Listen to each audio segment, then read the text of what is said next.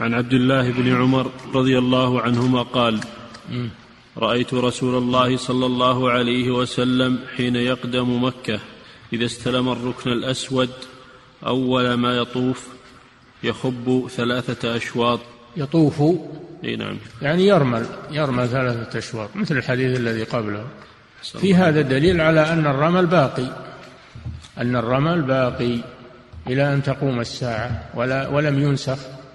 فهو باقي وأنه يختص بالأشواط الأولى من الطواف وأنه خاص بطواف القدوم أو طواف العمرة حينما يقدم. قال حينما يقدم يعني الطواف الأول لعمرة أو لقدوم فيرمل في هذا الطواف خاصه وأما بقية الأطوفة فلا يرمل فيه.